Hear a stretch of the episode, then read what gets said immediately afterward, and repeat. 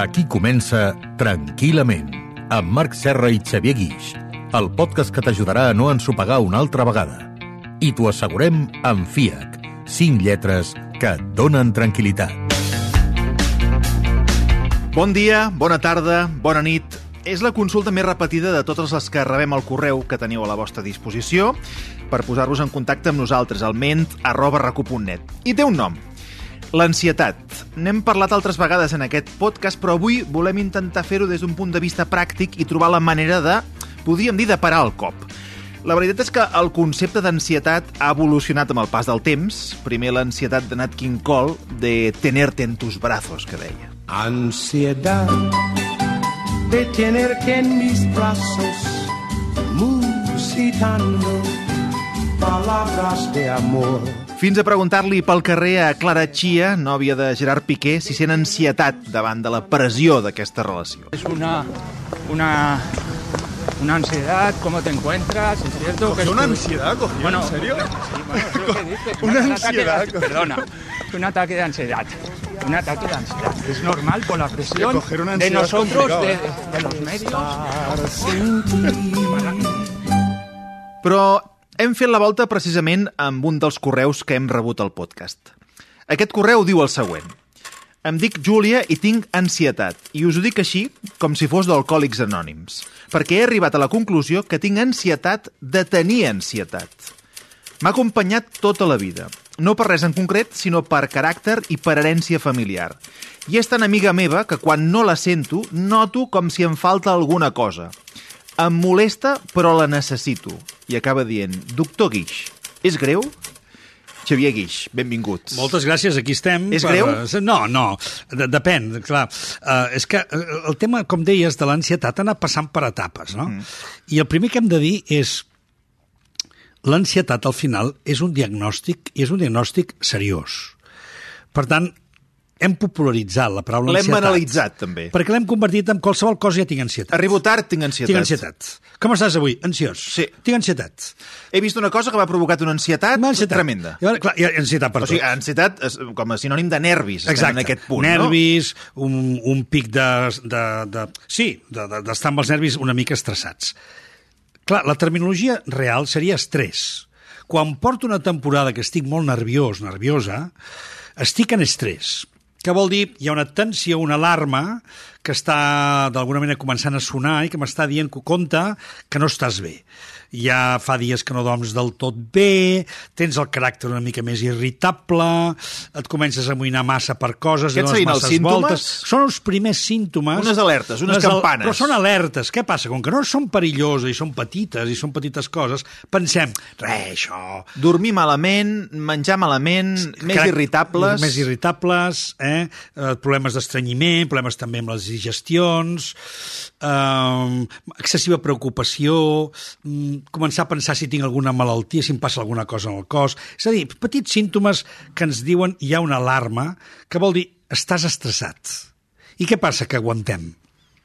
I aguantem, aguantem, aguantem fins que patem. I quan patem, és aleshores que es produeix un fenomen que és l'atac de pànic que no tothom arriba a l'atac de pànic. Molta gent es queda amb un estrès continuat. L'estrès continuat, quan porta més de sis mesos en la vida d'una persona, li diem, vostè té ansietat. Uh -huh. Per tant, quan diagnostiquem ansietat, vol dir que aquella persona ja porta molt de temps amb això. Per tant, m'acabes de dir una cosa molt important, que crec que avui ens tocarà anar subratllant pistes, no? Eh, intentarem fer-ho molt pràctic, però, és a dir, si fóssim capaços de, quan hi hagin aquestes primeres campanes, Aquestes primeres. de parar o de buscar ajuda, Exacte. frenaríem Exacte. el que hem descrit com a ansietat. Efectivament. O sigui, és una de les claus de la història. És clau, perquè l'alarma ja està sonant, però no l'escoltem. Ens sembla que està molt fluixeta, que no n'hi ha per tant. Ens anem, ens anem com... Autoenganyant, d'alguna No, manera, no? O, o que sabem controlar l'estrès, no? i justificant, és que no puc, és que tinc molta feina, és que, clar, ara... És que és normal, fins i tot, Tinc no? exàmens, Sí. és que ara... És- Tot queda justificat. Per què? Perquè ho anem tirant endavant, però ho anem tirant endavant patint. I el símptoma del patiment, que és una sensació que es posa aquí al centre del pit. I això tothom, segur que, que ens Sí, està senyor. escoltant, ho coneixerà. Sí, senyor. Sí, sí. Se- Tinc aquí una, com un nus aquí al, al centre Em passa del, alguna cosa. El pit, aquí, el pit, tinc sempre com un nus. Em desperto i de bon matí ja tinc com un nus aquí, no se me'n van tot el dia. Això és ansietat. Aquí ja estem, ja estem, ja estem amb símptomes. Per tant, ep, aquí ja comença a cuidar-te. Hi ha una altra qüestió um, que m'ha fet pensar quan, quan estàvem preparant aquest tema, que tu n'has dit el laberint de l'ansietat. Sí. Um, crea una imatge bastant gràfica Sí. de lo complicat que pot arribar a ser aquest tema. Sí. Per què has fet servir aquesta expressió? Mira, perquè al final és sentir-te atrapat. És la ment atrapada. Tu estàs dintre un laberint del qual vols sortir, però no trobes la sortida. Però tu vols sortir. I com que no trobes la sortida i vols sortir, És l'ansietat de l'ansietat que ens deia la Júlia quan començàvem. L'ansietat és la sensació de que vull sortir però no puc, perquè no trobo la sortida, i m'estic posant cada cop més ansiós. I arriba un moment que ja no puc més, és a dir, el cap ja se'm dispara. I és quan poden venir atacs de pànic, o, per exemple, aquesta noia quan ens explica la seva història, en la qual ja està atrapada de fa molt de temps. De tota manera, la història de la Júlia no seria ben bé una persona que està vivint un episodi d'ansietat.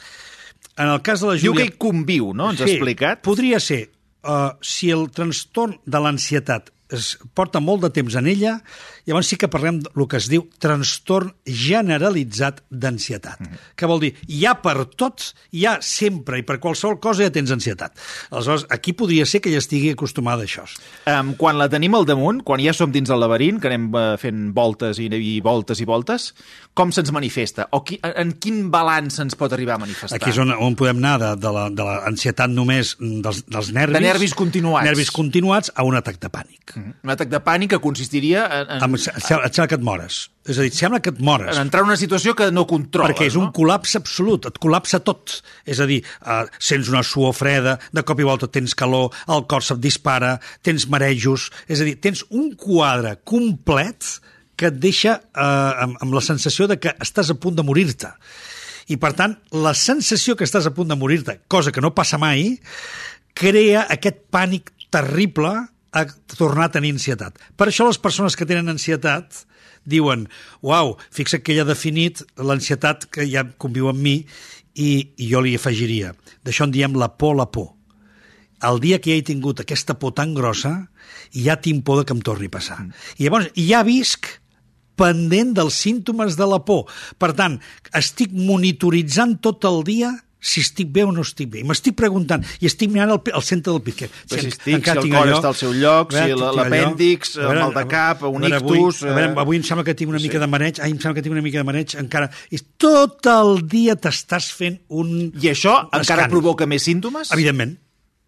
Evidentment. L'ansietat de l'ansietat. És l'ansietat de La por de l'ansietat, la por. Que és la por de la por. Eh? Que en lloc de dir l'ansietat de l'ansietat li direm la por a la por, perquè és ja la por que em torni a passar allò que em va passar. I a més a més, si això hi afegim, Marc, que aquesta por em pot agafar en qualsevol lloc, enmig de la feina, enmig d'un transport, allà on hi ha molta gent també m'atabalo molt, perquè no només estic al laberint, sinó que a més a més estic envoltat de gent i em pot passar allà davant de tothom, i aleshores entra una fòbia social, entra un pànic absolut que et passi quan menys t'ho esperes. I la clau de tota aquesta història, que ja sé que és molt difícil, que ja sé que la gent que ho ha passat i que ho ha patit eh, ho sap i la gent que ho està patint ho veurà molt difícil de fer, la clau de tota aquesta història, que ja l'ha dit el Xavier, és no passarà res. No és que no passa no res. et moriràs. No et moriràs. No passarà res. Ja sé que els que ho esteu patint ara, això ho veieu una frase buida, però és que és la realitat. La És veritat. que no passarà res. Són símptomes molt desagradables, però en absolut perillosos. Si et mores serà d'un atac de cor, però no producte de l'ansietat, sinó producte que el, que el cor el tens malament, o que alguna cosa no està funcionant bé dins del teu cos, i potser l'ansietat podria ser un, un agreujador, però mai és la causa, eh? perquè no tenim casos d'explicació que diguis mira, aquest s'ha mort d'ansietat. Tu has sentit algú que diguin s'ha mort d'ansietat? No. Eh que no? No. Doncs ja està. No, però és la por de si jo seré el primer. Ara! Ara! A veure si resultarà Ara. que tot això que estan explicant està molt bé, però jo seré el primer que mori per ansietat. I això se li diu la hipocondria. I aleshores aquí és on tota aquesta por que jo tinc, com que veig que no ho puc resoldre, mentalment no ho puc resoldre, aleshores començo a projectar-ho en el meu cos. Aleshores, la, la por, la por es trasllada al cos. ai, la cama no em va bé, em sembla que em passa alguna cosa a la cama. No, no, haig d'anar al metge perquè jo tinc algo, uns tremolors aquí a la cama no són normals. I au, cap al metge perquè em fa mal la cama. I, i el metge et diu, són nervis. Però realment fa mal la cama. No, no, no ens ho estem inventant. No, no està trencada. Però fa mal. Bueno, tens una sensació Sensació de que fa mal. de que fa una mica de... que no la sents normal, que et fa una mica de, de, de bellugueig, que potser no la pots recolzar bé, et fa una... Però no és un dolor físic. Pot haver-hi molta gent que ens estigui escoltant i que vagi fent creuetes a tot el que estem dient. Uh, hipocondríac, sí. Uh, por a la por, sí. Ansietat, sí. Eh, tot, tot, tot, por tot. a passar-ho malament en un lloc... Val, perfecte. Sí, sí, tot. Molt bé, escolteu. tot, Senyors del Tranquil·lament, ho tinc tot. I ara què? Ara, La gran pregunta. Doncs primer s'ha de tractar, evidentment, per un professional, perquè eh, el quadre és molt eh, complex, com veus, és molt complex. És a dir, una persona que pateixi ansietat i que ho estigui passant malament per això, Necessita tractament Creus psicològic. que- que- I que- farmacològic, eh? que una autogestió eh, és difícil que li funcioni? És a No, dir, que no, dient-se... no podrà, no podrà. Que dient-se bones paraules podrà. de tranquil... No. no? No, perquè el que mana davant l'ansietat és el cos. Llavors, quan mana el cos, significa que encara que tu pensis no em passarà res, el cos t'està fent pum, pum, pum, pum. I si el cos m'està fent pum, pum, pum, pum, jo ja puc pensar no em passarà res, que el cos em fa pum, pum, pum, pum. I si el cos em fa pum, pum, pum, pum, on posaré l'atenció, Marc? El cos. Pues ja està. clar, Sí, sí. Aleshores, fixa't que tots els especialistes et diuen si tens o has arribat a un quadre d'ansietat, el primer que hem de tractar és el teu cos. Que vol dir, l'hem de calmar. Hem d'aconseguir que el sistema nerviós, que normalment és el sistema nerviós autònom, que ha desplegat de l'amígdala, ha fotut una patada de cortisol extraordinària i estàs en posició de lluita i en canvi no has de lluitar per res. Però en canvi tens tots els efectes de la lluita. Estàs com dopat, no? Estàs, Podríem estàs explicar-ho dopadíssim. No, no, és que estàs dopadíssim. Estàs dopadíssim. excitat sempre. Estàs, però una excitació, estàs sobre excitat. Excitat, sí. I per tant necessites, en aquest sentit, calmar el cos. I això necessita també el seu tempo. Aleshores, aquí és on entra normalment la farmacologia. Cosa que molta gent no vol, perquè llavors no, vull pastilles, etc. I els que ens dediquem a aquest tema, la veritat és que eh, hem d'acabar dient, escolta'm, en aquest moment és més important que el teu cos estigui tranquil. Ara, si tu tens un mètode, si tu, perquè has après a ser un mestre meditatiu, si tens l'habilitat de gestionar el, el teu cos de tal manera que el aconsegueixis tranquil·litzar a través de la respiració conscient, fantàstic, no necessites farmacologia però has de calmar el teu cos. Perquè fins que no calmis el teu cos, la teva ment estarà dispersa. Vol dir, no pots pensar raonadament. Per tant, primer calmem el cos. Quan el cos s'ha quietat, puc començar a pensar raonadament. Com puc calmar el meu cos? Eh, en fi, has dit una cosa, que hi haurà gent que hi estarà d'acord, altres que no, que és que hi ha una part farmacològica però no hauríem de passar, no? Això depèn de l'escola, suposo. Depèn. Eh, dirà una cosa o dirà una altra. Nosaltres diem, però, res, res de fàrmacs, s'ha de prendre... Sí, però hem, nosaltres eh, avaluem... amb unes herbes d'arbolari ho veus malament, això. No, no, no, ho veig molt bé si funciona. Però és que jo el que m'expliquen quan una persona té un atac de pànic és que per moltes herbes que es pren continua tenint ansietat, perquè, perquè és que, repeteixo, és un tema corporal, és una gestió que el cos se t'ha descontrolat. I la sensació que tens cada dia de que no pots controlar el teu cos et porta pel camí de l'amargura. I és el que genera la por la por, perquè tinc por que el meu cos me la foti. Però explica'm una manera de parar aquesta por. No, Digue'm un- alguna cosa pràctica no, per parar aquesta no, por. no, però aleshores aquí, un cop hem, hem calmat el cos, que és el primer que hem de fer, Sí. El puc calmar, per exemple, amb una rutina d'esport? Home, recomanable això, en això sempre casos? és recomanable, sempre. Tot el que és moviment, tot el que és acció... Sortir, tot, caminar, eh? Exacte, tot, tot, tot això és evidentment que és raonable. Passa que la persona es pensa és que tinc por que m'agafi un atac de cor. Ja. És que si surto a fer esport potser... Aniré a nedar i m'ofegaré. M'ofegaré. És a dir, li agafa la por. Llavors què fa? Es queda quieta, però quedant-se quieta és el pitjor que pot fer. Per És a dir, el que ens diria el nostre cap, que és queda't quiet, queda quiet, és just el contrari. Al contrari, mou-te. Mou-te. Mou-te perquè movent-te començaràs a calmar-te. Quan dic mou-te no vull dir ves, ves com una No xalabrant. una muntanya. Ni vagis a xalabrar, ni corris, sinó senzillament ves, ves calmant-te. Eh? I, I el caminar, com que no permet que tampoc estiguis en l'acció del pensament, et, et, et va tranquil·litzant. Un cop hem aconseguit uh, que hi hagi una certa calma, i dic certa, no, no absoluta calma, una certa calma, aleshores ve el punt número dos. El punt número dos és posa l'atenció en el que està passant. Doncs fixa't, ara ja no estic preocupat per què m'està passant el meu cos i el cor va no sé què, sinó estic mirant què està passant. Què està passant? Res. Em surt sang d'algun lloc? Se m'ha trencat alguna cosa? He caigut a terra marejat? No. Vale. I, I què estic fent? Estic aquí, estic al carrer, estic assegut en un banc, o potser puc seure en un banc i observar i mirar. Doncs mira, passen cotxes, passen persones, vaig a comptar persones, quantes persones passen per davant meu. És a dir, faig que la meva atenció comenci a sortir del cap. És a dir, connectar-me al lloc on sóc. On sóc? Per què? Perquè això m'ajudarà a que marxi d'aquesta posició autocentrada en la que estic patint, patint, patint, només És a dir, patint. si la metàfora, per exemple, fos una ràdio, en lloc d'anar canviant de dial amunt i avall, seria posar-nos en, un, en un dial. en un dial. A RAC1, I- 87.7. I escoltar. I escoltar. I escoltar, i escoltar, i escoltar, però escoltar molt atentament. És, que- és, que- és gairebé com si m'obligués a dir no, no, escolta-ho molt. Posa tota l'atenció en l'escolta del que estan dient, perquè aniràs fugint de tu, aniràs marxant de tu, que és el que ens interessa. Si has aconseguit, primer pas, calmar el cos, segon pas, posar l'atenció fora de tu i, per tant, contemplar una mica el que està passant al teu voltant, tercera cosa que cal fer, observa, llavors sí que pots començar a observar els pensaments que poden contenir o por o judici. Por, ai, que et passarà, ai, que t'agafarà, ai, si... La por, la por. Eh? Per tant, com m'estic espantant a mi mateix? Aleshores, dona't en compte que hi ha una sèrie de pensaments que el que fan és espantar-te. De la mateixa manera que hi pot haver una sèrie de pensaments que el que fan és fer-te judicis. Veus, és que sempre estàs igual, és que no te'n surts, és que tota la vida estàs vivint igual, és que això no pot ser, és que mm, no, no, no fas cas al que et diuen, ja t'estàs renyant, jo, jo, jo, jo, jo, jo. Llavors aquesta veu que t'està renyant, aquí això hem de també fora, fora. Ei, ara no, ara no. Ni, ni Ara no toca. Ni temors, Això no toca, ni judicis. Res. I llavors passem al pas següent, que és observa què és el que ara, en aquest moment, necessito. No que em diu el meu cap, no que em podria passar. En aquest moment que necessito? Mira, necessito només seure en una cadira. Seu. Necessito quatre respiracions, agafar quatre respiracions, sentir com un silenci, o mirar una mica a fora i estar una mica més calmat. Què necessito en aquest moment? Mira, potser trucar amb un familiar o potser trucar amb algú perquè em vingui a ajudar o perquè em donin un cop de mà. Pues truca aquesta persona. És a dir, connectar sobretot amb les teves necessitats. I a partir d'aquí comença a actuar. Per tant, són passos que ens alliberen d'entrar la roda de l'ansietat. Que ens alliberen de nosaltres. Ens alliberen de... Fixa't, ens alliberen de creure que estem dintre d'un laberint. Els apunts del Tranquil·lament.